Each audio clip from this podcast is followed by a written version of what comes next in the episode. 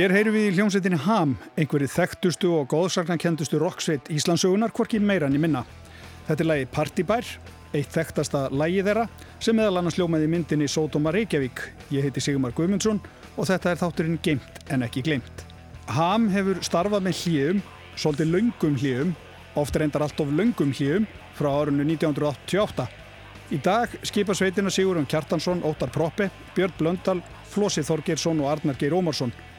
Árið 2011 kom út platan Svig, Harmur og Dauði og um þá plötu ætlu við að tala næstu tvær klukkustundunar og sögu sveitarinnar og það sem á daga hennar hefur drifið. Þeir Björn Blöndal og Óttar Proppi eru gestir mínir og þeir segja okkur frá sveitinu og þessari stórkostlegu plötu.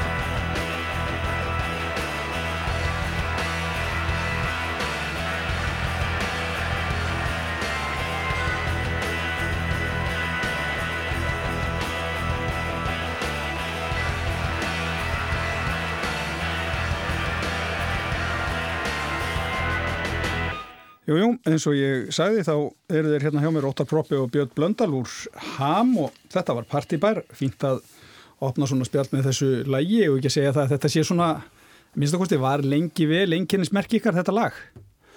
Jújú, jú, þetta er nú svona, þetta er nú lag sem hefur reynst okkur erfitt að sleppa á tónleikum.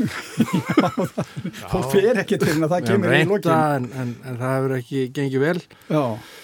Þannig að... Það er landir í eina skipti sem við kláruðum tónleika án þess að, án þess að taka það, sko. Já. Já, svona, já. Já, já. En ég nýtt nú svo... Þetta er bara fínt, þú veist, þetta, maður er að vera ánöðu með, þú veist, það sem að... Já, ég meina, maður getur ekki afnýtt af börnunum. Nei, nei, og hérna, nú er það þannig með með þetta lag að, að fólk býður þetta bara svolítið eftir því en okkur segir við höfum reynd að losna við að flytja það. Já, ég menna það, ég held að þekki allir, það er svona, þú veit með eitt svona, og nú var ég ekki alltaf fram að séu one hit wonder, en ég menna þú veit með eitt svona superhittara og, og hann alltaf getur orðið smá klafi á þér, sko, Já. og einhvern tímapunkti, þú ert búin að hérna, spila þetta á, á svona, hvað ég var að segja, flestum tónleikum sem að þú spilar á mm. þannig að getur verið gaman að breyta til sko. mm -hmm. og ég vil færa það fyrir ekki með þessum síðasta lag og eitthvað svona en uh, það er tilhörinu að hafa allar svona verið frekar mislugar og, og, og við höfum bara sætt okkur við að þetta passar best sem síðasta lag og, og því er ekki sleft Nei, nei. Svo, svo sem bara staðnirni, þetta er bara, þetta er ljómandi gott lag sko. Mér hefur þótt mjög væntum þetta lag síðan þetta varði mitt hittarinn okkar og þá gætu við lagt Vúle Vú sem var fram að því að allir Takki Vúle Vú aftur og hérna, það Það var ágætt, að, ágætt að geta losnað við það sko. Já. og þetta er líka lag sko, sem að það sem er svo lúmst gott við þetta lag live sko, Mm. er að þetta lagi hans Adda sko. Já, Addi ræður þessu lagi og hann trommar lagið að hann sko nennir ekki að tromma lengur já, eða getur ekki eða getur ekki, yfirleitt Já. það endar á því sko bara, þetta er lag sem að kallar á það að maður klári sko síðustu andadrættina mm. og það allavega fyrir mig sko er alveg indislega til, tilfinning sko að vera alveg gersanlega bara að headbanga síðasta síðasta sko hérna taktinn bara með, með síðasta andadrættinu sko. Já, Takk til að þetta komu í uppklappið. Já, já, þá var maður, þá var maður aðeins búin að ná að, að, að þá var búið að, hérna, að hérna, gefa manni raflóft og koma manni aftur á, á lappi, sko. En þetta er mjög gaman, við, þú veist, við erum konið með krampa þannig lokinn og, og hann horfir verið á okkur strákurinn, trómaninn, Já. natti og, og sér að það kom mikil þjáningasvipur á okkur, þá veit hann að við erum konið með krampa einhver staðar í hendurnar og, Þá herðir hann á og svo er hann kannski áfram. að krampa Já. sjálfur, sko, þetta er óga gaman. já, já, Þetta er ákveðin keppni, sko. Já, já, það er hérna hljóma vel og svona kannski áður en við förum í upphaf sveitarinn og allt það, tónleikarnir eru, tónleikar ykkar, þeir eru náttúrulega svolítið svona, svolítið upplifun fyrir áhangendur ykkar hafið þið vafa lítið tekið eftir. Já, við vonum það allavega. Já, Jú, jú, það er það. Já, lítið á okkur sem svona svolítið öflugt tónleikaband Já, já, það er verið á sama tími hvart að því að þið spilir kannski á sjaldan á tónleikum. Já, ég held að það sé nú kannski eh, það er nú ágætt að, að hérna að við meðum ekki drekja drekja sko markarum í sjálfum okkur Mm. en uh, jú, ég meina við hefum auðvitað alltaf lagt mikið upp úr því að sem sagt að uh, gera okkar tónleika vel. Við, við hérna uh, mætum ekkit bara svona með hangandi hendi sko. Nei, og, og, hérna, og markmiðið hefur alltaf, alltaf verið það bara að gefa allt í það og í það á alla. Mm.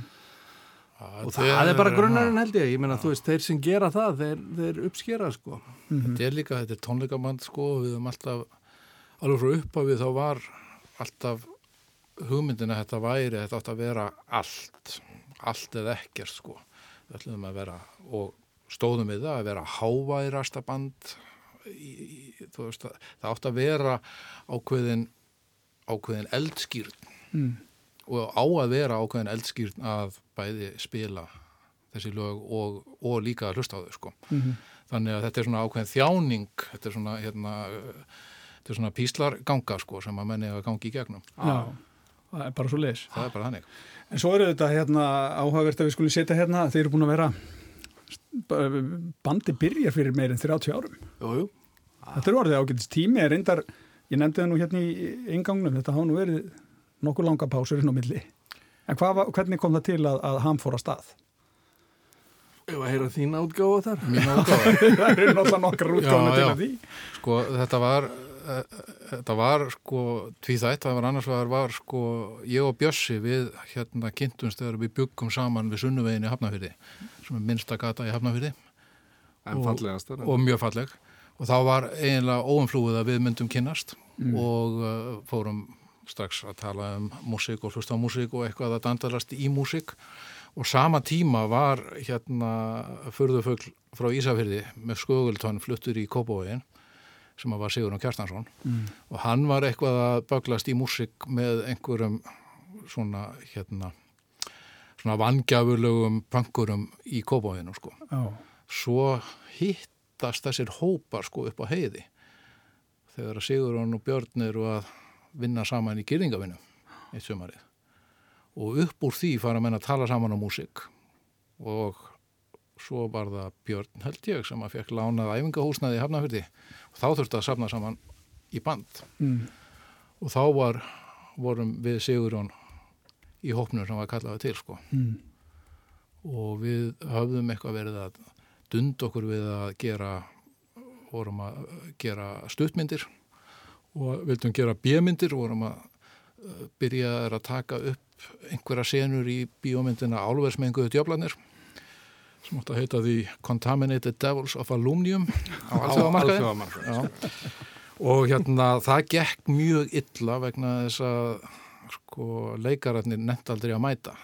Þeir fengið náttúrulega ekkert borgað og vissi ekkert hvað það voru að gera einhvern veginn ímyndinni þannig að meðan við sátum í hérna bílakirkugorðum einhver staðar út í raunni í svona illa hituðum bílum að býða eftir í hvort einhver myndi mæta í tökur þá byrjuðum við að velta fyrir okkur músikinu sko í myndina.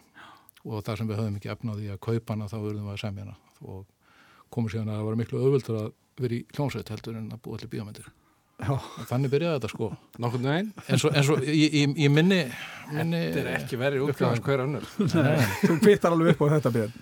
Já, svona í stórum dráttum myndi ég segja það. Já Og síðan er liðin allir þessi tími, það gerist auðvitað síðan hjá, okkur, hjá ykkur að árið 2011 þá kemur út þessi plata Svíkarmar og döði sem við ætlum kannski að láta vera svona megin þemað í þessum uh, þætti á milli þessum að við spjöllum auðvitað um ferilin ykkar og allt sem að tengist þessari plötu og, og hljómsveitinni heilsinni. Við skulum heyra núna fyrsta lægið af þessari plötu, uh, það er lægið Einskís Són.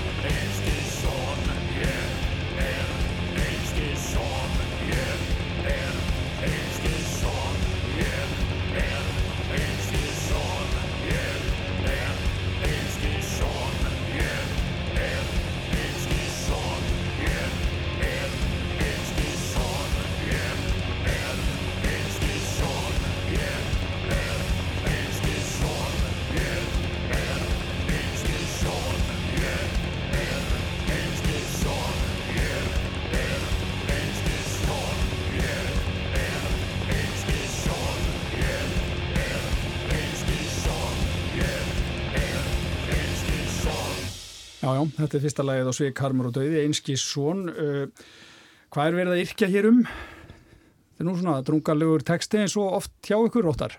Já, sko textatnir koma mjög gætnan alveg seinast í vinnufællunni hjá okkur. Mm. Sigur hann kemur inn með lög, stundum hans er kláruð og stundum bara hugmyndir einhvern veginn sem að hljómsveitin tekur á móti og við spilum og finnum sound og eitthvað og textatnir gætnan upp úr soundi mm.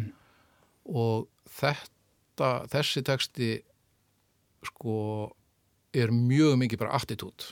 Þetta er algjör bara svona sex pistols texti einhvern veginn.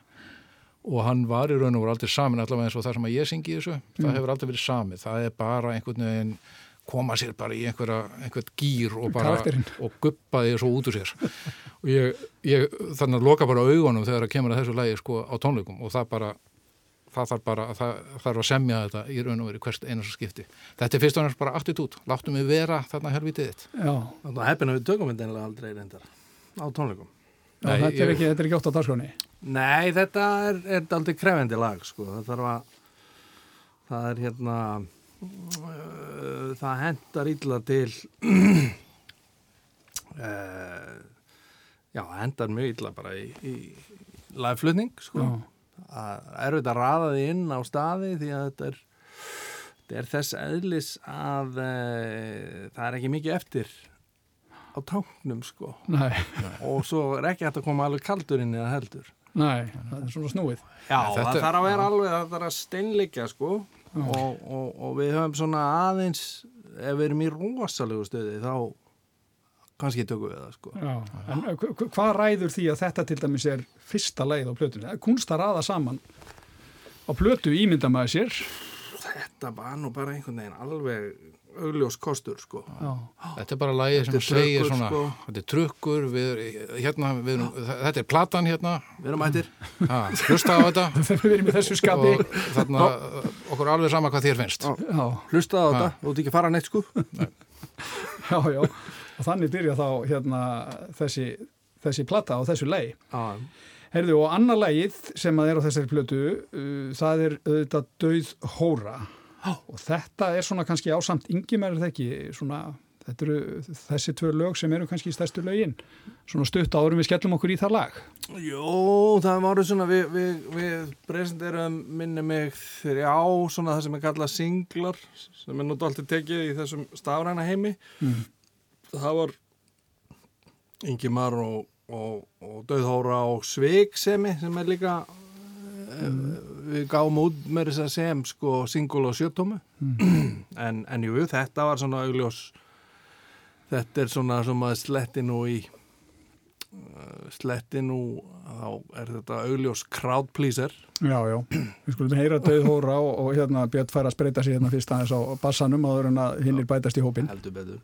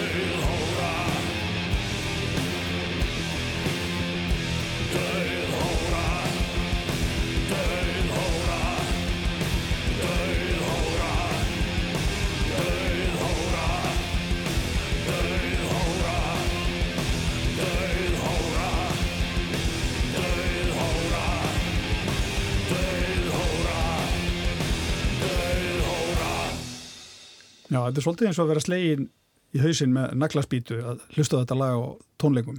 En Já, textin döið hóra, þetta er ógulega drungarlegt og við erum þarna með spænsku veikin undir sem er svona viðegandi í dag eins og þeir eru það nefna. Jú, jú. Já, já. Já, svona viðegandi og ekki viðegandi. Er...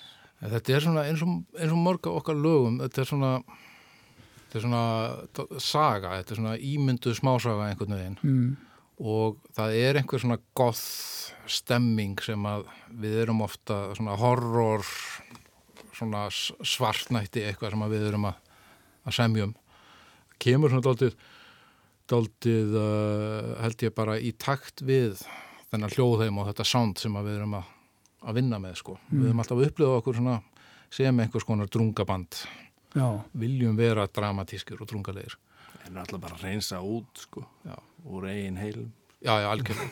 Þá náttúrulega verður textin, hann má ekki vera bara um eitthvað smottir í, sko, hann verður að vera um eitthvað stórt og alvarlegt. Já, og þetta eru þetta grípandi titill á hlægi, það er ekki hægt að segja en að döið hóra. Já, það er mikilvægt að titlar á lögum, sko, fáið menna aðeinsleis að hugsa. Já. Hann kom nú snemma, sko, titill. Já, ég held að hann hafi nú komið bara... Bara ég var undan læginu. Já. já, og svo var textin samin í Þannig, út frá sko, tillinum, þannig. Já, út frá læginu, sko. Já, já, læginu og tillinu. Já, já. já það er oft, sko, textin er ofta að svara því sem að lægið þarf já. lægið býr til einhverja tilfinningu eða einhver, já, einhverja stemmingu sem að þarf einhvern veginn að, að síðan kannski að sumlautur í textarnir bara eins og neðamannskreinar við lögin mm. Já, og þessum auðmyggjans manni sem að fór söður í sollin, hún var bara hólaðandi barð Já, hún var hólaðandi barð, sko já. ég menna bara um leið og, og létt hans pingja varð Já Við mennum bara hann að daldi stóri að fara live sko. Já, mm. nákvæmlega. Svolítið lólansmaður Já, og þetta auðvitað gleður fólk alltaf mjög mikið á, á tónleikum eins og, eins og kannski gefur að skilja. Þriðalegið á plötunni, það er mitt líf. Hvað getið þið sagt okkur um það? Hvernig kom það til ykkar? Sko, þetta, það hefur nú aðeins lent undir ratar. Það er smá slagari sko. Þetta er náttúrulega... Já, við höfum nú... Þriðja lægið á hlið A og svona sko. Já, já. Já, já, þetta var alveg, þetta er svolítið poplag sko. Það hefur ekkert samt, við höfum nú ekki, ekki verið að, við höfum ekki mikið hampað í sko. það eru samt alveg element í því sem eru, eru mjög flott en það er svona hérna já, kannski hefur okkur bara fundist það best geimt á þessari plötu Já, kannski. Við erum ekki spilað þetta mikið live sko En þetta er svona enn einn sorgarsagan Já, og líka svona Enni táradalur Já, já, líka svona attitút sko og þetta kemur nú uh, ég held að þarna kannski sko það er ein lína í þessum texta sem að ég held að hafa nú komið einhverjum ósáluráður í skrift einhvern veginn bara svona full mótuð á æfingu eða allavega í meðan við erum að vera að spila lagið. Það er svona línan afskipta sami arkitektin bendir á mig og hlær. Og ég held að það sé kannski svona sko bendi til þess að þetta lag og svo sem fleiri lög á þessari blötu eru samin á þessum árum þarna eftir hrun einhvern veginn þegar allt samfélagi var í bulli og einhvern veginn. Og við vorum nú nokkur þarna með Jóni Gnarr í bestaflokknum komðin einhvern veginn inn í pólitík og, og svona uh, hvað heitir þetta? Uh, já, svona þetta opinbera líf einhvern veginn. Og það er svona einhver svona pyrringur og attitút sem að, sem að, nýtt, sem að nýttist, alveg, nýtti, á, nýttist ágætlega í þessa músík sko. og mitt líf er daldið þarna. Mitt líf, láttu mig í friði. Hérna uh, það er Ekki það, taka mynd af mér. ekki taka mynda með það er engin lykt af mér og láttu mig vera og eitthvað svona. Já. þetta er mitt enga líf Já, já. Þetta er mitt enga líf sem voru að tala um það er nú reynda úr, úr lagi sem að var samið einhvern mann 87 sko. Forvitni maðurinn hitti já, sem var mjög vond lag en góð lína. Þannig að þetta er svona daldið þannig lag. Þetta er svona, láttu mig í friðilag Láttu mig í friðilag, við skulum heyra eitt stykki Láttu mig í friðilag já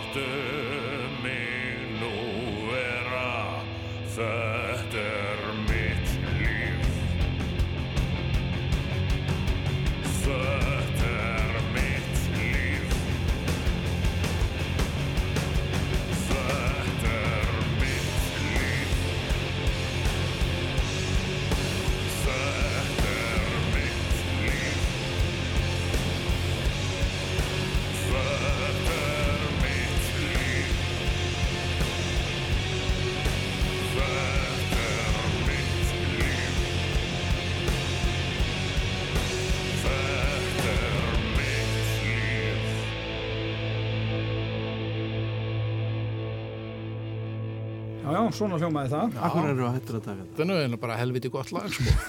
Þetta er hann kannski aðeins að endur Við erum að hugsa þetta, Já, ég er farin að halda það því eiginlega bara hlustið ekki nógu mikið á öllin ykkar. það gæti verið þetta er, þetta er líka, ég er bara átt að með á því núna Þetta er lag sko sem að hérna, hefur kveikt aldrei í mér sko hérna, laumu bakrata hérna, gaurinn Já, Ég er svo gaman að ég að stelast til þess að syngja bakrata með Sigurinn í þessu lagi já, Þú hefur reyndar aðeins verið Ég hef aðeins verið að- verið að þetta- gera það, sko. Að við væ- tökum þetta, já, er, ég er að skoða þetta En það er, málið er það, þegar þú gerir svona blödu og það tekur hann upp, við erum þetta frekar fljótur að taka upp en svo er mixið er auðvitað þú veist, það er miklu dítelar og það er að hlusta helviti oft sko. já. og í svona ferli þá hlustar þú kannski svona 100-150 sinnum á þetta Mm. Það er ágætið skamtur í nokkur á að maður er oft komið með mjög mikla leið á plötunni þegar það kemur að því að gefa hann út sko, Já, og bara þurfa að að að að fara að fylgja hann eftir sko. æ, þurfum við að spila þetta Já, aftur það er alltaf að Ah. ég spila en þú veist að hlusta á þetta er einhvern veginn kannski ekki það sem er, er efst í huga sko. Svo bara þegar hann er sett í masteringu svo þetta er náttúrulega að hlusta á masteringu líka Já. svona 30 sinnum kannski Já. og hérna þannig að ég held að þetta sé ekki þú, þú veist, músikant að tala alltaf um mig ég hlusta aldrei á plöðuna mínar og svona. Það er ekkert skrítið sko, þetta er mjög leiður á þessari plötu sko. Já, þegar við hinn loksist fáum að hérna, hlusta á þetta allt saman og, og, og gefa einhvern í okkar kolli. Já, svo getur maður alltaf einhver breytt. Það er búið að gefa þetta út. Nei, nei. Nei, nei, þá er þetta úr manns hönd þá, þá bara öðlast verkið í líf og fyrir bara eitthvert. Þá er eins gott að maður getur verið svona, þegar maður er sæmilega sáttur þá er það allt í lagi sko. Þetta var betra lag en með myndi Já, en, en þá erum við á þeim stað að þessi plata er betri heldur en þið heldur. Ég, ég var alveg sem að platan í held var mjög góð já, já, já. bara myndi ekki hvaða lög var á henni ég, ég verð að segja sko Já, ég, ég, ég er náttúrulega búin að hlusta mjög mikið á þessa plötu í gegnum tíðina og, og hérna, mér finnst hún algjörlega stórkostleg. Ég stundu. Klóra mér í kollinum yfir fjórðalæginu sem er alkoholismus krónikus. Akkurat. Það er svona er allt öðruvísi einhvern veginn heldur en, en ég segi ekki að hún brjóti einhvern veginn upp heildarmyndina en, en það er svona einhver önnur ára yfir því lægi Mm. og ég veit að ég er ekki einn um, þessa skoðun. Nei, Gott lag en svona það er aðeins svo skjön við hinn samt. Jó, jó, það var að vera að fara þarna, ég held sko þetta uh, sko sáum fyrir okkur, þetta var svona epic daltil sko. Já, það er alltaf leit í þessu lagi sem er nú kannski meira heldur en flest hinn lögin sem eru mjög uh, meitluð, þau eru mjög tilbúin, mjög ákveðin, þessi stemming, svona lag einhvern veginn. Og þarna erum við aðeins að leita og ég vil nú segja sko að eftir að við byrjuðum aftur af látum þarna 2006-07 eða hvernig það er sko og erum að byrja þá einmitt að vinna líka nýtt efni sem er á þessari blödu að þá erum við daldið að horfa aftur í pælingarnir sem við vorum þegar við vorum að byrja. Mm. sem að var þessi svona djúpi drungi einhvern veginn ep, episk og dramatísk músík. Ég meina þegar við vorum að byrja þá hlustuðum við svona aðalega á Swans og Tchaikovsky og eitthvað svo leiðis Abba. Abba Já, Þannig að þú veist, það er dálítið það og hérna alkoholismus krónikus er sko, þegar maður hlustar á það út frá því að það er náttúrulega, það er mjög mikið svons einhvern veginn og verið að vinna með að, að spila hægt og svo framvegis. Þannig að þetta er svona, þetta er tilraunalag og það var, það var mjög erfitt að láta það fæðast í stúdíónu. Og uh, sko, sönglínurnar og textin urðu til í raun og veru sko bara eiginlega í eftirvinnslunni. Við vorum svona að klóra okkur í hausnum um hvernig óskupunum ættum að láta þetta ganga upp, sko. Svo langaði okkur að hafa svona bjöllu. Já, já, eitthvað svona, verið með læti. En þetta er, þetta á, á, á svona bara, já, þetta er kannski, væri ekkit vittlust að taka það í einhverju smá endurvislu þetta lag en, en, en, það sem að það stóð fyrir þarna bara, stendur alveg fyrir sínu þarna en, en hérna kannski ekki fullmótaðasta verk sem við höfum gert þannig að að það er aldrei vita nema það fá einhvern tíman einhverja yfir, yfirhalningu. Já, þetta er flott riff sko og svona það eru elementarni í þessu lagi sem eru eru mjög flott en kannski já, ég veit það ekki. Kannski er það bara ekki alveg fullklárað. En það er, mér finnst það samt Það heldur, Mér- það heldur, maður, ég slökk ekki á því, sko, þegar ég heyri það. Nei, ekki er þetta svolítið lengi. Við skulum hérna... heyrum þetta lag bara og, Já, við skulum leifa hlustindunum að dæma Alkoholismus Krónikus, þetta er lag nummer fjögur á plötunni.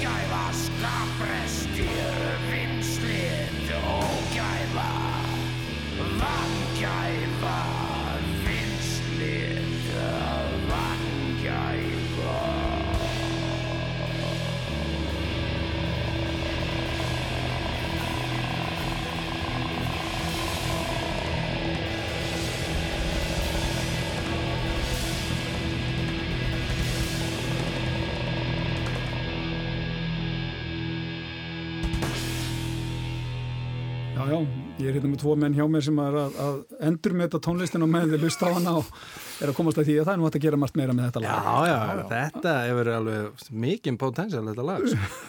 Það er bara að klára Næsta kom út á plötum fyrir hvað nýja árum. Nei, mjög fínt að hafa það þannig sko. Já, já. Annars væri það kannski tínt sko. Já, já, þetta brýtur hana aðeins upp, það er náttúrulega svona, hérna, drungalugur kraftur í þessu lagi. Já, Uh, já, Gamlir svikamenn og ferð, það er síðan fymta lagið á, á plötunni. já. Já, það er Þetta svona er það sem er kallað album track Já. á útlensku Við erum rosalega hrifnir af svo leiðis Já, sem eru svona lög sem eru sko þetta er ekki fyllera þetta er ekki sko uppfyllingarefni en, en þetta er ekki þetta er ekki heldur vanlega til vinsælda. Mm, og, og þess vegna er þetta bara svona plötulag. Og þetta verður að vera á plötu skilur, þetta eru lög sem þurfa að vera í samhengi við annan Mm.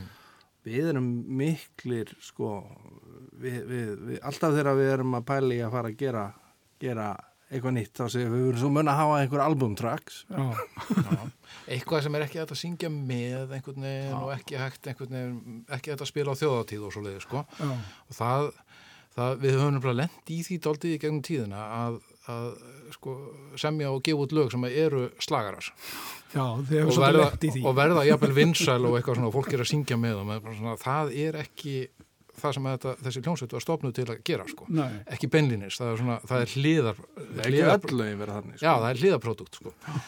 þannig að sko, gamli sveikamannaferð er algjörlega verið að reyna að tjannela sko, einhverja hryllingsmynd í, helst í svarkvítum, mjög dimma hryllingsmynd og þetta er svona einhvers konar í raun og veru svona forn íslensk lopa zombie saga já, sem að var sko og hérna textin var ekki skrifaður heldur heldur algjörlega bara muldraður uh, alltaf í baráttu við að, að, að hérna við, við við andan sko þar sem var alltaf á síðasta súrefninu. Mm, það er mér líkar vel að, að syngja þannig. Já, og hérna lægið einhvern veginn er svona bara daldið það er að lýsa einhverju stemmingu sem að við erum ekkert, já sem er bara svona daldið ímynduð. Svo er tæknilegu referens þannig í læginu í, í frækt poplag sem ég ætla ekki að segja ykkur frá þau verður að komast að og svona, en þessi albumtrackpæling þetta er ákveðin nostalgið, þú mannstur eftir, ég meina plötur sem eru gefnar út þarna á ákveðinu ára bili, svona, þú veist Já, þegar á gafst 70, út 80, plötur. 80, 90 gafst út plötur. Þú, þú, það var það að, stundum að vera með svona einhverjar eksperimentasjónir sko, einhverju smá tilrauna mennsku og, og hérna það fekk stundum meira flakka. Það er svo, það er svo fallegt sko, það er og platan og við hugsuðum Svikarm döða sko, sérstaklega eftir að titillin kom þá hugsuðum við þetta alltaf sem LP-plötu sem ferðalag sko og í svona ferðalagi þá verður að vera með ris sko en það verður líka að vera með svona einhvern veginn aðeins sko. daufari hérna tíma, ég meina þetta er daldið svona sko, eins og þetta lag er svona kannski daldið eins og mýrtalsandur sko á hérna suðurnarsferðinni já, mm. ekki lægið Mýrdalsand ekki lagið sko, heldur sandurinn sko heldur sandur í sjálfur Já. og hérna svona, bara örstuðt áður með spilun lagið, hverjir eru þessi gömlu sigamenn? Já, það eru einmitt óþektir andlitslausir menn sem eru að koma í myrkrinu að myrða heimamenn. Hvorki meirinu minna? Nei, Nei, við skulum hlusta á það er óþurar óþverjar. Pakk.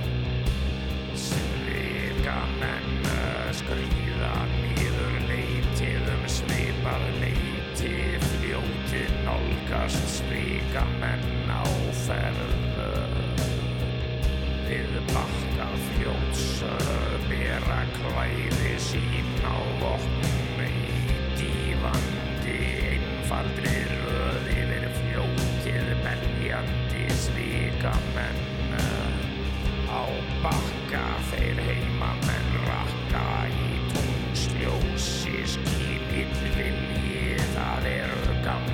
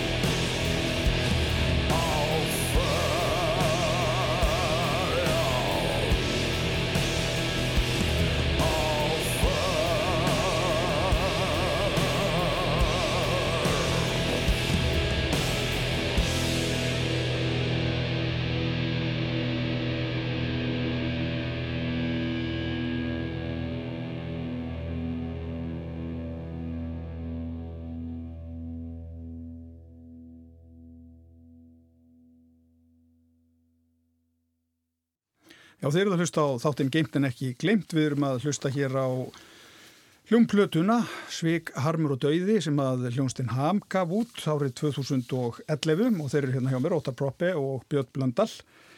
Eh, við erum búin að hlusta á hálfa plötuna og svona farið svolítið eh, geist í gegnum þetta og gefum okkur kannski núna strákar aðeins tíma til þess að svona fá frá okkur hvernig þið vinnið í hljóðverinu og hvernig svona ég menn þurfa alltaf að búa til einhverja svona stemningu er það ekki og vera svolítið samstiltir og, og vita hvað er vilja og annað gengur ykkur vel að klastra verkonum ykkar saman þegar þið eru svona komnir á þann stað Já, gegnum misvel framan af, sko.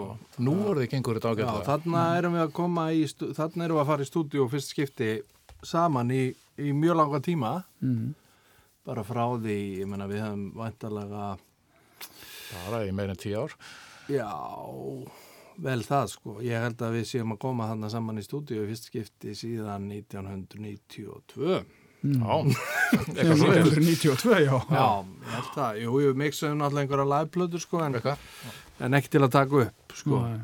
þannig að hérna og við fórum þarna inn í þetta verkefni með nokkuð svona skýra mynd sko sem að var einmitt var, var svona bara svolítið aftur til aftur í rætunar svona svolítið eins og við gerum fyrstu upptökunar okkar sem var hold uh, takat upp live við, við, við gerum það sem sagt, vorum búin að finna þarna, þarna í fortíðinu vorum búin Já. að finna það út að við tökum alltaf bara upp live Mm. sem sagt, við spilum þetta allir saman og, og, og það er það eru grunnarnir sem standa sko Það er sándið einhvern veginn í herberginu. Við fyllum herbergið og við Já.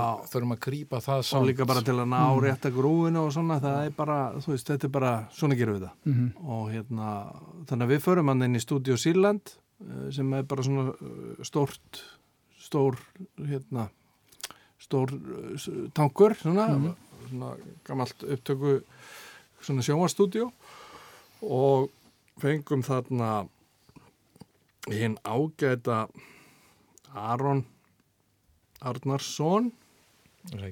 Til þess að, að hérna, gera þetta með okkur. Hann hafði unnið, unnið með okkur óttari tók upp rassplötu með okkur, frábæra plötu sem heitir Andstað og hann er hann var akkurat maðurinn sem við þurftum þannig og, og hann setti svolítið, bjóð svolítið til atmosfærið og, og, hérna, og við komum okkur bara fyrir þarna yfir, yfir langa helgi og lokuðum okkur þarna af bara Mm.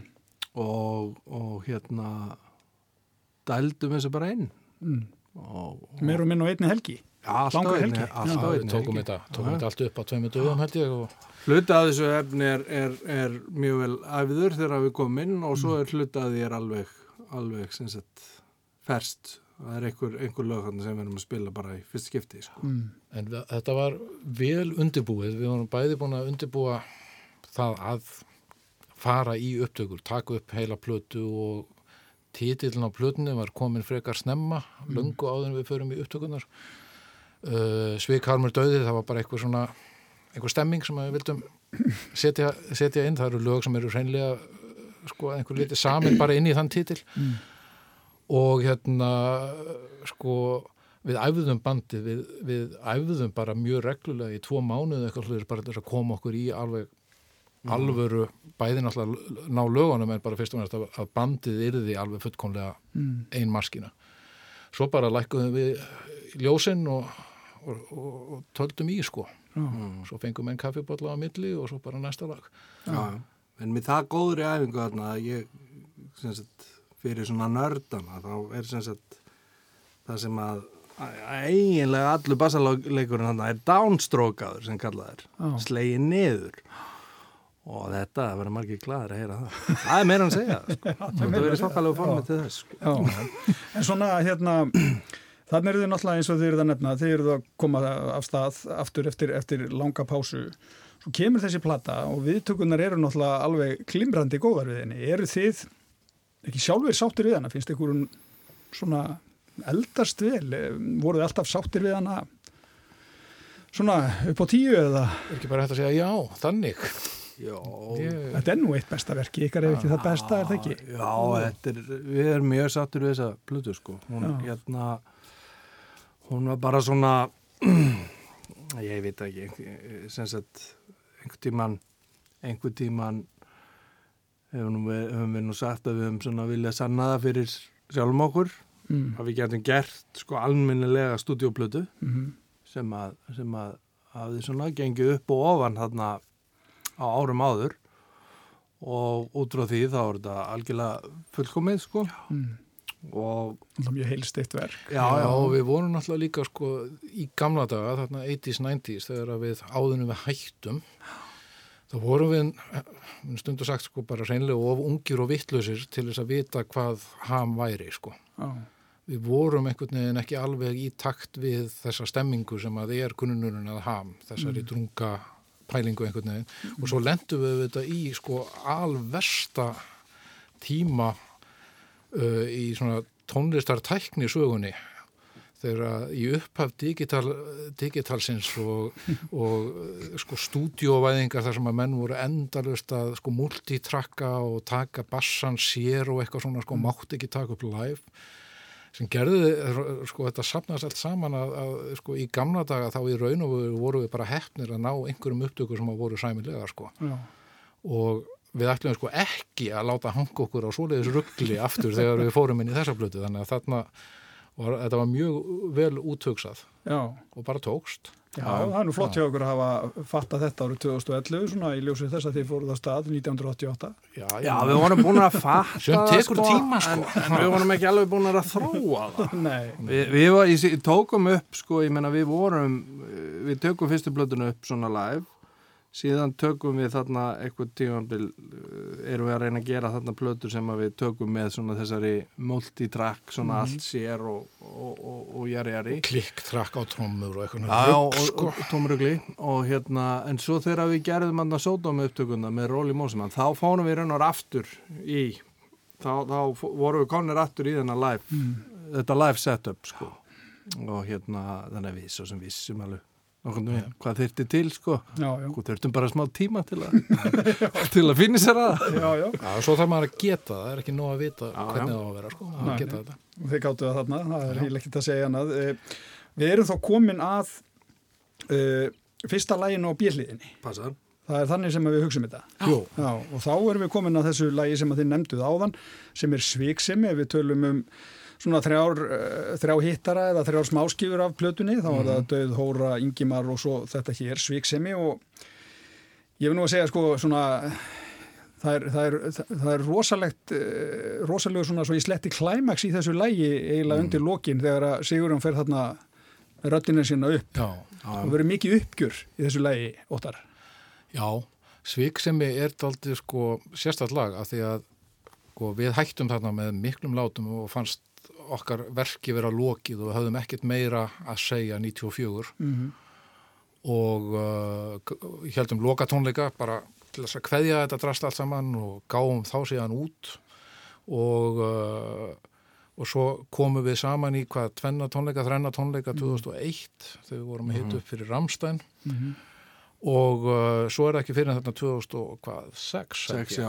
þá ágöðum við að það svona, já, við vorum allir búin að vera góðir vinir allan annan tíma, vorum búin að vera meira og minna að spila saman í hljómsveitum hvers annars og svo framviðis allan tíman á milli og við bara, við fundum að það væri eitthvað eftir, við áttum eftir að klára þetta konsept og ákveðum að, að æfa saman og æfa okkur upp og, og halda konsert og uh, þá fæðist nýtt lag sem enginn átti vona á Það átti einhvern veginn, við áttum svona freka vonaði að við værum aldrei bara svona að rifja okkur upp sko. 2001 vorum við bara að spila gamla slagara sko, í mestalagi einhvern veginn aðeins að laga þá til eða Já, ég er þreytist nú ekki á að núa uh, samlöndum okkar því um Nasir.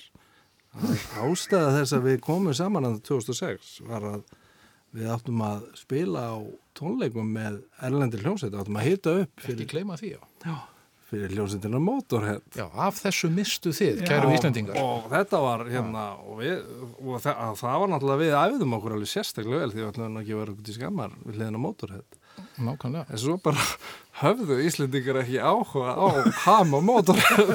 Þannig að það varði ekki af þessum tónleikum. Þannig mikið synd Þannig að við heldum okkar, heldum tónleika þarna um sumarið.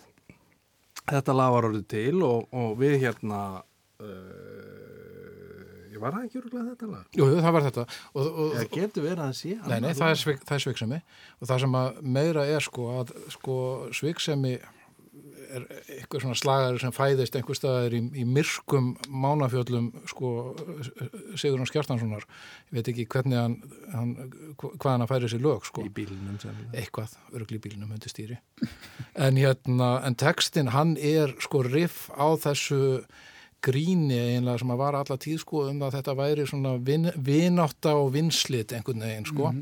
Þegar við vorum að byrja þá drýmd okkur um að við værum svona svona paraband, við værum svona Sonny and Cher, nema að við værum sko Óttar og Sigurjón og værum svona, svona kynvilt par einhvern veginn, það var daldið svona koncept og síðan 2001 þegar við vorum að endur útsetja og lagfæra lög sem okkur fannst ekki nógu góð þá var til texti sem að var um vinslit hérna, nú mann ég ekkert hvað það lag heitir. Bulldozer það var með svo lélugum texta í Kanada þannig að fekk nýjan texta sem var aðeins skári og fjallaði um vinslit og þetta lag er eiginlega um það líka. Þetta er um það sko þarna þú sveiks mig, helvitið þitt. Og ekkert finnst okkur í að fyndið eins og svo liðislög Já, já. Lustum vel, þetta er sviksemi með ham.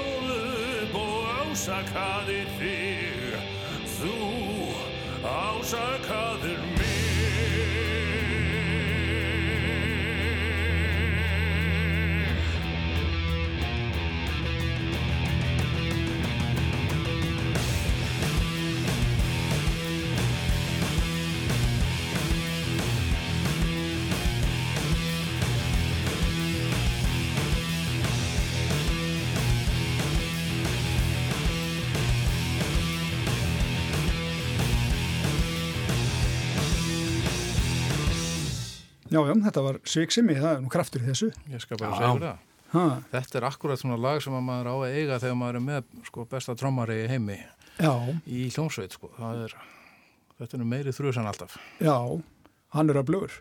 Já, hann kann þetta strókurinn. hann gerir þetta nú einn sko. Hann gerir þetta einn neini, Hann sko. er voða vel stuttur, hann er góða vini. Hann á góða vini.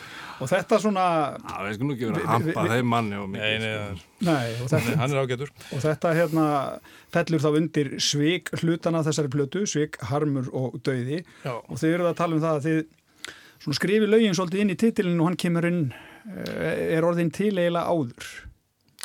Já, að einhverju leiti sko. Titillin var svona inn í stemmingu. Stemmingin er svona þessi drunga stemming, dauði og, og, og á- ástir og afbrigði og, og, hérna, og, og, og dauð og djöfull. Já, Og það var dálítið svona stemmingin sem við vildum, vildum gera og við vildum líka vera einhvern veginn svona hægir og, og svona segfljótandi.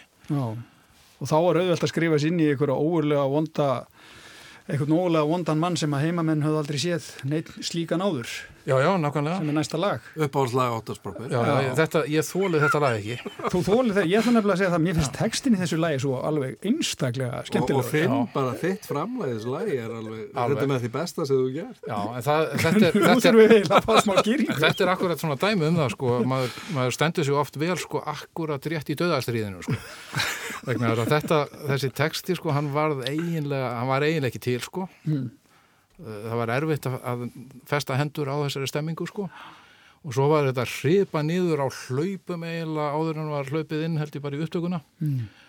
og textin ennu bóstalega þannig að, það, að ég allavega sko get valla sungið hann sko uh, þar að ég næ eiginlega ekki anda Mm. í læginu sem er ákveðin mínus þegar maður er að syngja sko og maður þarf svona að ná að anda svona einu sinni tvisar í mínútu allavega svona til þess að, að svona er vel á að vera þannig að ég er alltaf orðin alveg eldröður sko Já, og sérstaklega þegar verið er að taka þetta live sko ef þetta er tekið aðeins hraðar, aðeins hraðar, þá er ekki, þá bara, þá mun ég ekki anda, sko, Já. næstu fjóra mínúna. Það er svona ákveðin mínus.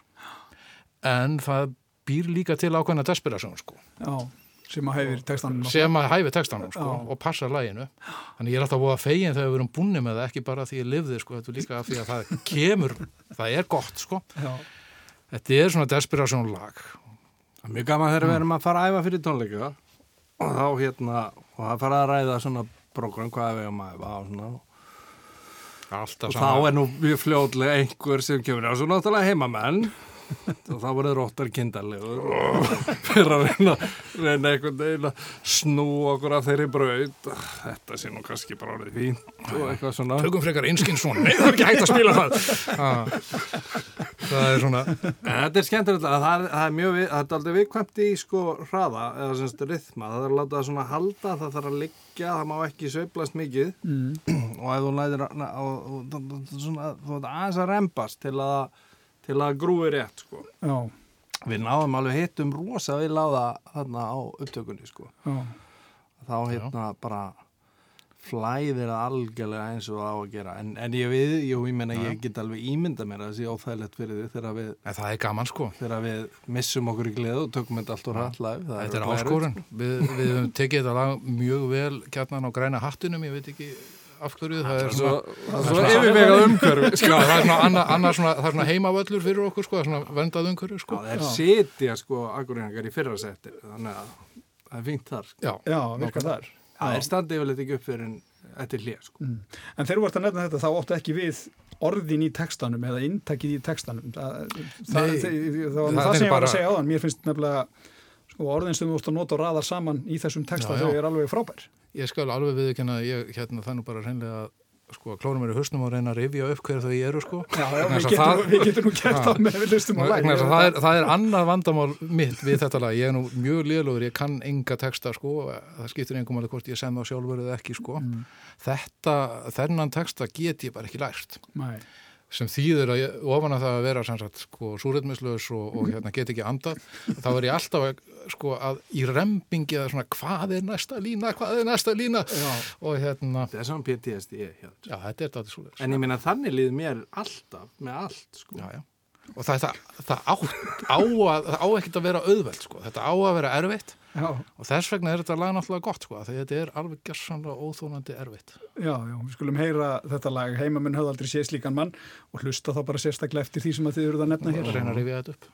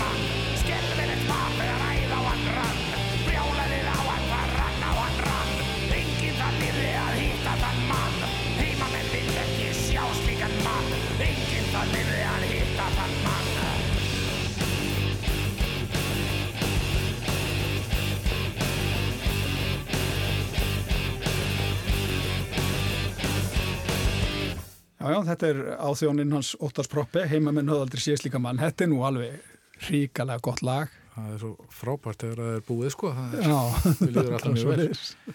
Þetta er skemmtilegt lag. Já, og síðan hérna erum við komin að veislunni, það er hertóinn sem heldur veislu, það er áttundalagið á, á Sveik, Harmur og, og Dauði og þá svona aðeins uh, hægist á plötin aftur. Mm, mér minnir á reyndar þetta var, þetta kom til dælu að snemma var til dælu að snemma til sko. Já, Mm. bara svona 2007 kannski við höfum haldið einhverju tónleika þá örugglega. og hérna já, þetta er bara þetta er fínasta lag Fínasta lag. Já, en já. hertóinn, sko hertóin er er hérna svona hliðar sjálf Sigurðun Skjartanssonar mm. í svona bæði grínu og alvöru held ég. Og alveg frá því einhver tíman í gamla, gamla daga sko þegar að einhvern fannst hann vera of freikur til fjörsins eða, eða of góður með sig eða eitthvað þá var hann uppnefndur hertóin ég held að hann hafi tekið sér þetta og nafn ég sjálfur. held að hann hafi jafnvel gert það bara sjálfur verið svo stoltur á því að vera svona montin með sig. Já, og bara ég er hertóin, kallið mig hertóan þetta er svona þetta er svona kannski hluti af einhverju svona hérna einhverju svona hlutverka leika þess að stíga inn í eitthvað hlutverk. Mm. og hertóin er svona típa og hérna sem að stendur einn og, og er svona dálítið svona Napoleons típa einhver. Og þess, þetta er bara svona glefsa úr lífi hertóans sem að reynir að halda veistlu einhvern veginn og, og það, er, það, er alltaf eitthvað, eitthvað svona smá það er eitthvað svona eitthvað, ég segi ekki off en það er eitthvað svona skrítið alltaf í gangi já, það er nú einhver það er sækja nú einhverju aðunum eins og vennilega já, já. ég hef alltaf, ef ég loka augunum yfir þessu lagi þá sé ég alltaf fyrir mér að þetta sé svona hammer hryllingsmynd mm. já. og hérna Kristoffer Lee og eitthvað svo leiðis þetta er daldið svona þetta er alveg, þetta er svona þetta er algjör, algjört ævintýri þetta lag já, svartir sandar kannski svona, já, já, þetta lag öðræfi og, og gefa já, og það sem að, það sem að segir þarna frá, það, það á, á alls ekki sko, getur ekki á sér staði í nútímanum, þetta er eitthvað eitthvað svona transurvanist við þetta. Já, þetta er svona, þetta er eitt af þessum svona frekar mónotónisku lögum sem við munum með sko, sem að með eitthvað stef sem gengur einlega bara alveg út í gegn og Já, það er bóða gaman að taka þetta það. bóða gaman að taka þetta live sko. þetta er eitt af svona kannski fyrir eitthvað fáum lögum sko þar sem að maður svona sem er augljóslega hérna vinsalt hjá uh, konum í átíðansnum frekar Mm. en strákonum sko. já, þið sjáu það er einhver rómantík í þessu sem að hérna það er alveg bara þessar fáu konur sem að maður sér svona af sviðinu þegar maður horfir út af, af, á tónleikum ham sko að það er alveg, það er ligna aftur augum af gleði þegar þetta lag byrjar það er nú fjölgað sko. Jú, jú, það eru kæ, kærustur sem að Svo mjög gott að taka þetta sem svona til, til andri með þessar tónleikum. Já, Það er þetta svona, blása. já, má við ekki það að það séu til lög sem að gera það. Andrýmislög, Já, þú verður að hafa svoleiði. já. Ég meina, þú, annars sprengir bara hestin. Já, já. Ég held að því að vera svo svakalega flinkir að þið þyrftu ekkit eitthvað andrýmið, þetta væri bara... Ég veit hún líka, líka, sko, líka fyrir hinna sko, fyrir þá sem er að hlusta áhorfendur. Fyrir sko. fólki Já, líka, já, sko. já. Þetta er bara eins og albumtrakkin, sko. Já, já. Svo má Nei, maður við, við, sko, við þurfum nú, ég bara segja þér að bara hérna, einlegin við þurfum að hafa tölvöld mikið fyrir að spila vita það, þegar þetta sagt í, álkæringi, það þarf að hafa svolítið mikið fyrir þessu. Já, við, þetta er við, þú æfir ekkit einu sinn og mætir bara. Nei. Menn halda alltaf að, að hérna, við séum á svo góðu tímaköpi, það er lígi, sko, það er ekkert já. Það er bara mjög mikilvægt að maður tapi nokkuð mörgum lítrum af vögva og, og, og léttist um fleiri kíló sko, á, á tónleikum. Já, og þetta þarf að vera, þetta er, maður þarf að, að berjast í gegnum eld til þess að það sé eitthvað varðið í þetta. Já, já. En það er þannig í döðri hóru að þar kemur hérna spænska mikið við sög og svo er eitthvað sótt sem að stingu sér þarna niður í, í, í hérna nálægum sveitum í, í, Jú, jú, sem verður eitthvað örlega valdur í þeirri sögu. Þetta er. Þetta er svona náttúrulega, mikið, mikið í veikindunum. jú, jú, þetta er náttúrulega svona, það er ákveðin veikindi sko. Ok, okkur, hérna, en ég held að þetta sé bara, þetta er bara daldið, þetta er mjög mikið verið að leita í gothið og bara Edgar Allan Poe og, hérna, og rauðu sóttina hans og eitthvað svo liðið sko. Já. Það er bara svona hvað er dramatíst, dauðin er dramatískur og, og, hérna, og, og launmorð og svona, já og svo líka sótt. Þú veist, þetta er alveg svo liðis. Já, já, já. Við skulum hlusta á, á uh, veislu hertugans af þessari plötu sem við erum að ræðum hér, Sveik Harmur Döði.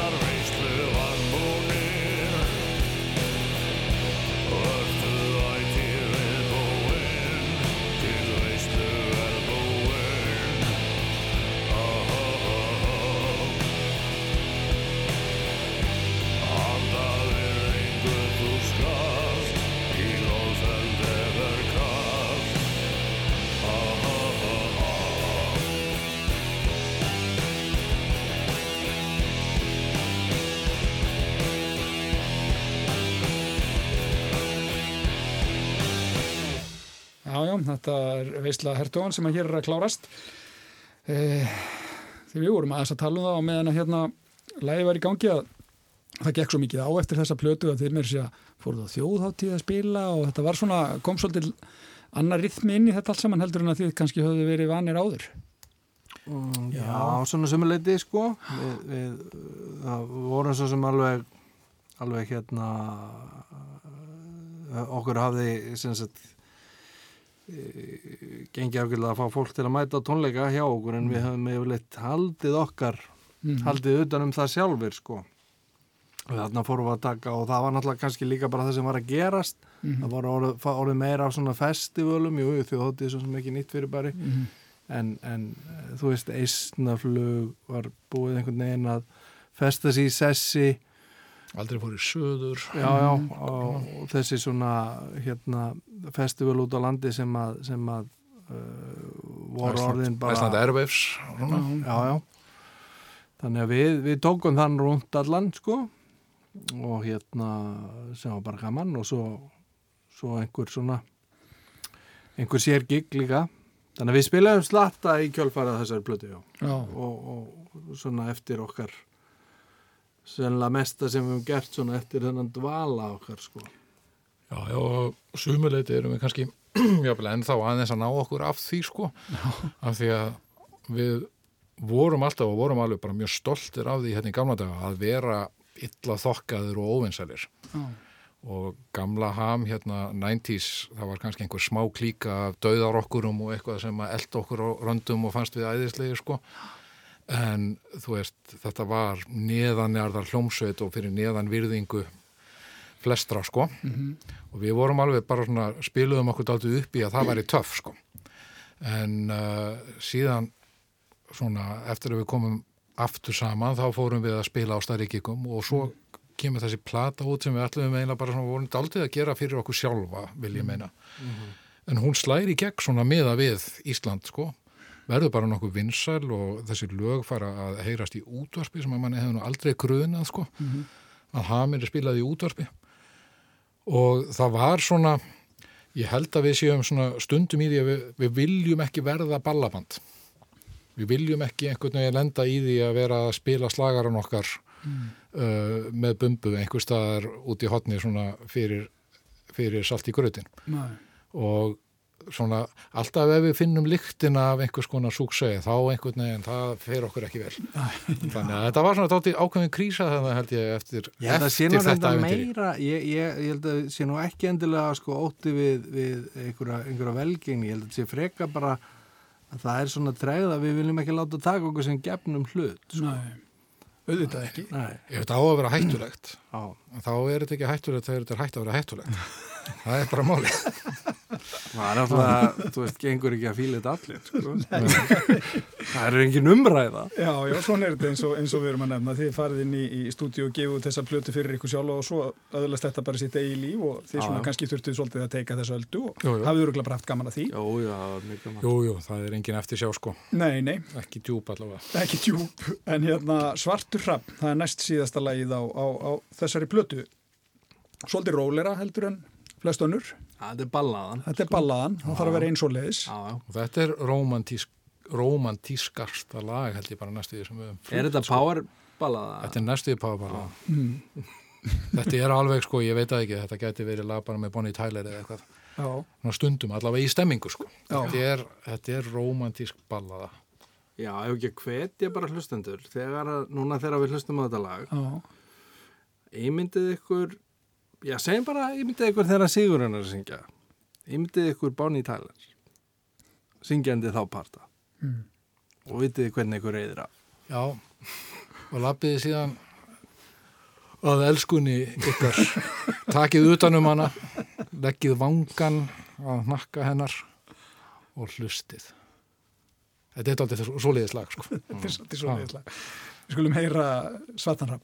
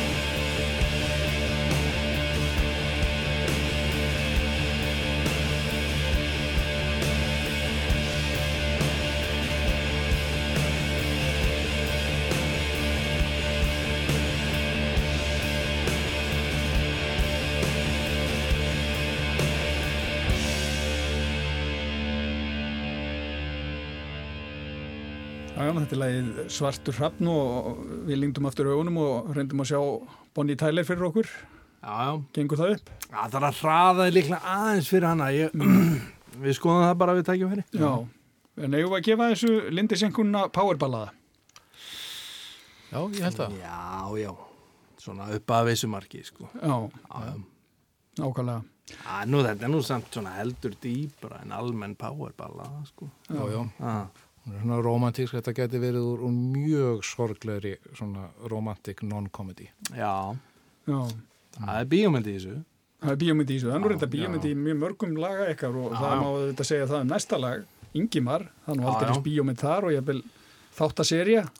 Já, já. Ingi maður er svona eiginlega, já, Er þetta ekki upphafið áfærð? eða? hún geti verið. sko. Já. Það er mikil, mikil sigluförður í Ingimar. Ég veit ekki alveg af hverju. Hann gerir þetta í er ekki? Nei, nei, það kemur, kemur, kemur held í hvergi fram. Ég hef alltaf Já. séð þetta fyrir mig gerast á, á sigluferði og Já, ok. að það er einhverjir punktar þarna sem að eru sko hérna minna mig á, á sko endur sko eða minningar afa minns frá því þegar hann var á sjónum á, á strísárunum Ok, á siglufyrði skemmtilega. Og Ég hef alltaf... hérna-. Og, og, hérna, og löggan á siglu, sigló eitthvað að djöblast og eitthvað er Keflavík, Já, þetta er bara eitthvað þorp út á landi fyrir mér, bara dæmigert íslenskt Alle, sjávarþorp. alle, alle þorp já. Já, eitthvað svo leiðis. En þetta er síðasta lag á plötunni, eh, heitir Ingimar. eh, Síðasta svona- lagi sem við tókum við Síðasta lagi sem þið tókuðu. og Mér síðasta fannst- lagi sem var samin var, Já, var, kom bara óvart Já, það kom bara daginn að hann við fórum inn í stúdíu sko. Já, já. var ekki einu sinni búið að æfa það neinu marki þetta er, þetta er þessi upptaka er sem sagt myndi ég segja annað skipti sem við spilum þetta lag Já, það er bara svo leiðis. Já. Já. og sama má segja, textin er hann er samin mjög hratt eiginlega þarna já, bara daginn fyrir upptöku við eitthvað svo leiðis Já. og uh, jú, það var einhver, einhver stemming stemmari svona þessi hérna maður fyrir borð og hérna og löggi mann einhvern veginn í, í smáþorpinu sko, Mhm. þeir á höfn Mhm. og uh, Svona óvænt endalokk. óvænt endalog það er ákveðin svona hérna Það er svona tvist, tvist þarna í restina sem að Já, maður það- fattar ekki alveg fyrstur að Þetta er einhver leiti líka svona uh, smá svona Tom Jones og, og svona 60s ballöðu hérna hérna tilbriði við, við þessa miklu svona yfirmáta dramatík í 60s og 70s ballöðum. Mm. Þetta er svona feiti Elvis, mm. Þetta er daldið þar já. og hérna eins og nafnið Ingimar, ég veit ekkert hvaðan það kom, hvort það er Ingimar Eidal eða allavega aðalega kannski það rýmar mjög vel. Já, ég, ég nefnilega hef stundum klórað mig svolítið í kollunum. Úr því að eitthvað lag á plötunni þyrfti að vera mannsnafn. Mm Mhm. kom Ingimar? Rýmar við bæði var og þar. Já, þetta, þetta er ósið svona einfaldar skýringar. Ég held að það geti verið eitthvað svo leiður sko. Já. Þetta bara rann einhvern veginn þarna. Já, Ingimar, Ingimar sem frétta maður kannski En svo höfum við, höfum við svo sem í textónu þá höfum við nú svona stundum hérna af því að þetta er oft verið að syngja hægt eða langa, langa hérna Ingimar, já. ekki Ingimar, hérna þá erum við svona veljum við dálítið stafina. Mm. þannig að við séum svona síður að hanga í e eða e og séum meira í e og svona föstum svona, svona, svona definít sérhlúðum Já. þannig að það geti hafa verið einhver svona hugsun ég bara hreinlega manna ekki Nei, nei. Og hérna erum við líka komin að því að sko, það er spurning hvernig menn ramma verkið inn. Þetta, þetta kemur einhvern veginn síðast til eitthvað og borlíkjandi sem síðasta lag á plötu. Já, það var bara Við klárum á þessu punktur. Já, sko, ég er, við vorum kannski ekki einu sinni vissir um hvort þetta lag er þið er tekið, sko Nei. en svo bara það er sem sagt sko, mér rámar í það þegar við vonum að spila þetta og þá, það var, þetta var ekki þetta var ekki alveg full mótað og, og það var svona þú veist, það er svona þeir þekkja það sem að spila að það er svona hvernig spennaður og veist ekki alveg hvað þú átt að gera í, í músík og, og þarna var sem sagt svona rithmin í þessu og grúfið einhvern veginn var þetta aldrei til úr svona hvað, hvað er hann að gera? Hvað er, þú veist, þannig að dýnamikinn bara í upptökunni gerði svolítið lægið sko. og, og þannig bara, og svo, já, ok, svona á þetta að vera. Já, já. Svo er Þannig að þetta það þurfti ekki að taka það aftur sko. Nei, nei, og svo er þetta náttúrulega alveg bara sjálfstætt, sjálfstætt saga með upphaf og endi, sjálfstætt drama þetta er singull sko. Já, já. og hérna hefði ekkert þurft að vera á þessari plötu sko. Hefði alveg geta komið og vera stendur sjálft sko. Já, í nútíma stafrænum heimi. Já, Já, já, já. Í, í takti það allt. og við settum þetta út, við settum þetta í spilun fyrst, sko, þannig að um, um sömarið, sko, já, bara alveg júni eitthvað sko.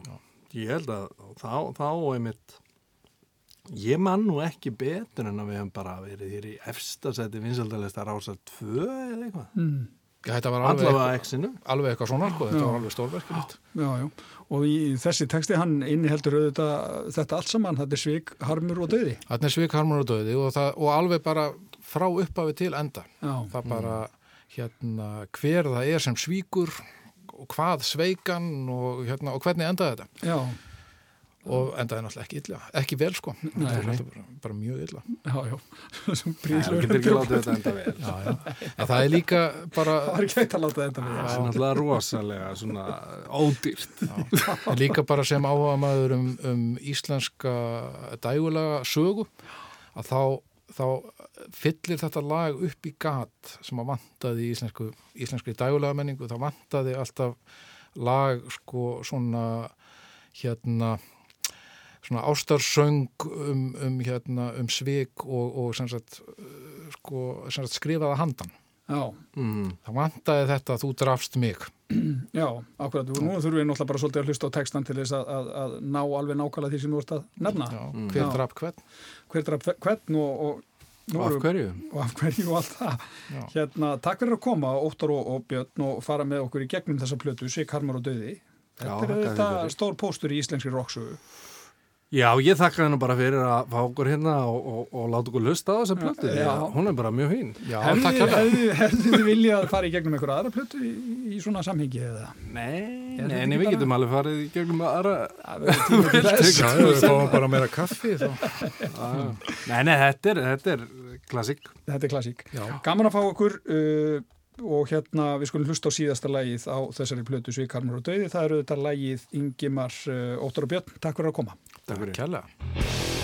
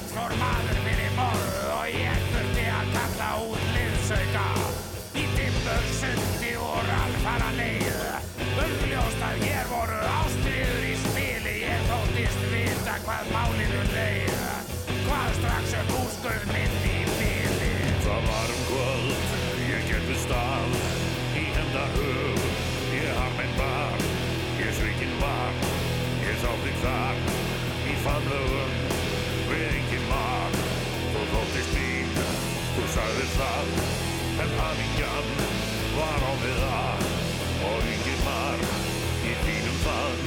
Ég fyrstist við og lífin fann og blóðir hann Þetta var hæðilegt morð mikil sorg í sinni mér var.